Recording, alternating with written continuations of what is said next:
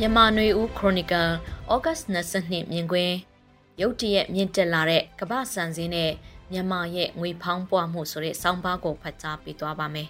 ။အိန္ဒိယနိုင်ငံကဘတ်စမတီလို့ခေါ်တဲ့အမျိုးအစားကောင်းပြီးဈေးမြင့်တဲ့ဆန်ကလွဲပြီးကြံစံအမျိုးအစားတွေကိုပြည်ပတင်ပို့ခွင့်ပိတ်ပင်ထားလိုက်တဲ့အကျိုးဆက်ကြောင့်ကမ္ဘာစံစည်းကွက်မှာစံစည်းတွေချက်ချင်းပဲမြင့်တက်လာတယ်လို့သတင်းတွေမှာဖော်ပြထားကြပါတယ်။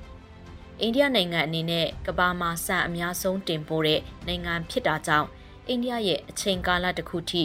တင်ပို့ခွင့်ပိတ်ထားခြင်းဟာကမ္ဘာစံစည်းကွက်ကိုကြီးမားတဲ့သက်ရောက်မှုရှိတာဖြစ်ပြီးအိန္ဒိယအနေနဲ့ရွေးကောက်ပွဲမတိုင်ခင်ခါလမှာ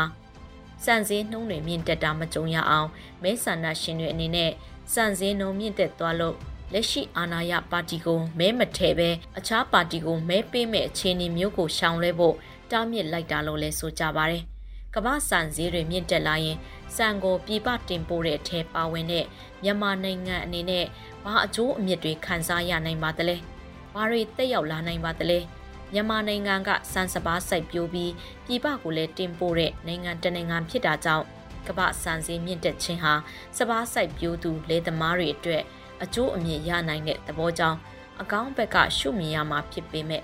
တစ်ဖက်မှာလည်းစံစည်းနှုံမြင့်တက်မှုကိုလေသမားတွေအမှန်တကယ်ခံစားရမလားဆိုတဲ့မေးခွန်းတော့ရှိနေတာဖြစ်ပါတယ်။မြန်မာနိုင်ငံကလေသမားတွေအနေနဲ့အများစုကစံစပါးရိတ်သိမ်းခါစထွက်ရှိခါစမှာတင်စံကုန်သည်တွေစံဆက်ပိုင်ရှင်တွေထံရောင်းချကြရတာကြောင့်စံစည်းမြင့်တက်ချိန်မှာ၎င်းတို့လက်ထဲစပါးစံမရှိကြတော့တဲ့အဖြစ်မျိုးလည်းရှိနေတာဖြစ်ပါတယ်။လက်နက်ကင်တိုက်ပွဲတွေဖြစ်ပွားနေတဲ့စကိုင်းတိုင်းထဲကရွှေဘိုတစဲ ရေဦးခင်ဦးအစရှိတဲ့ဒေသတွေကစံစပါးစိုက်ပျိုးသူတွေအဖို့လက်ရှိဖြစ်ပွားနေတဲ့လက်နက်ကင်တိုက်ပွဲတွေကြောင့်စစ်ကောင်စီတပ်ကမကြာခဏကြေးရွာတွေဝင်ပြီးနေအိမ်တွေ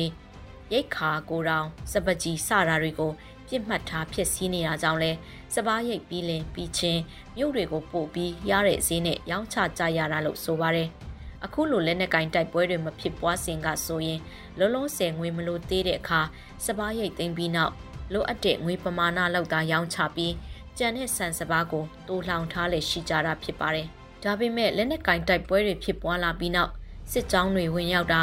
ဆန်စပါးတိုးလောင်ထားတာတွေကိုယူသွားတာသို့မဟုတ်မိရှုဖျက်ဆီးခဲ့တာတွေကျူးလွန်လေရှိတာကြောင့်တိုးလောင်ထားတာမရှိတော့ဘဲရွှေဘိုမုံရွာစတဲ့မြို့တွေကစံကုန်သေးတွေစီထိုးရောင်းကြရတယ်လို့တစေကဒေတာခန်တိုးကပြောပါတယ်။စံကုန်သေးတွေပြပတင်ပို့သူတွေအနေနဲ့တော့ ဈေးကောင်းရလို့အကျိုးမြတ်ခံစားရနိုင်ပေမဲ့စိုက်ပျိုးထုတ်လုပ်သူတွေအတွက်တော့အကျိုးခံစားရဖို့လမ်းသိမ့်မမြင်တဲ့သဘောလေးဖြစ်ပါတယ်။တဖန်ပြည်တွင်းဈေးကွက်မှာစံဈေးနှုန်းတွေမြင့်တက်လာခြင်းကြောင့်နေစားလောက်ခလက်ခစားတွေအဖို့ဝင်ငွေမမြင့်တက်ပဲနေစဉ်ဝယ်စားရတဲ့စံဈေးကမြင့်တက်သွားတဲ့ပြဿနာဖြစ်ပွားနိုင်ပါသေးတယ်။မြန်မာကျပ်ငွေကတန်ဖိုးကျနေခြင်းကမ္ဘာစံဈေးနှုန်းကမြန်ဆန်စွာမြင့်တက်သွားခြင်းကြောင့် ပြည်တွင်းကစပားစိုက်ပျိုးခြင်းမရှိတဲ့စံစပားစားသုံးသူတွေအနေနဲ့အသွားနှစ်ဖက်ရှိတဲ့ဓာသွားလိုမျိုးနဲ့ထိခိုက်ခံစားရတာမျိုးဖြစ်နိုင်ပါတယ်။ဝင်ငွေကမြင့်တက်မလာပဲတန်ဖိုးကျသွားချိန်မှာနေ့စဉ်စားသုံးတဲ့စံဈေးကကမ္ဘာဈေးမြင့်တက်မှုကိုအကြောင်းခံပြီးပြည်တွင်းမှာပါလိုက်ပြီးမြင့်တက်လာခဲ့ရင်ကုန်စည်နှုန်းပြဿနာစီးပွားရေးပြဿနာသာမဟုတ်ပဲနိုင်ငံရေးပြဿနာအဖြစ်ကိုကူးဆက်လာနိုင်ချေလည်းရှိနေတာဖြစ်ပါတယ်။ မြန်မာနိုင်ငံဟာအရှိတောင်အာရှမှာဗီယက်နမ်နဲ့ထိုင်းနိုင်ငံပြီးနောက်စံတင်ပို့မှုအများဆုံးဖြစ်ပေမဲ့စစ်အာဏာသိမ်းပြီးနောက်မှာလက်နက်ကင်တိုက်ပွဲတွေအလုံးလုံးနိုင်တဲ့လူငယ်လူလက်ပိုင်း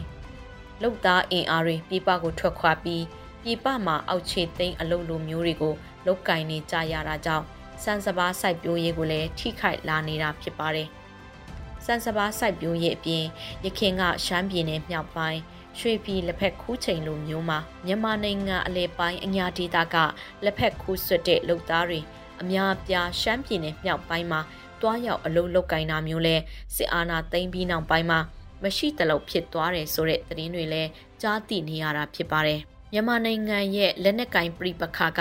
စစ်ပွဲတွေတင်မကပဲဖွံ့ဖြိုးမှုနှိမ်ချခြင်းအလုတ်အကင်ခွင်လန်းပြစ်သုံးခြင်းနဲ့ရိတ်ခါမလုံးလောက်ခြင်းတို့အထိတက်ရောက်လာနေပြီဖြစ်ပါတော့တယ်ရှင်။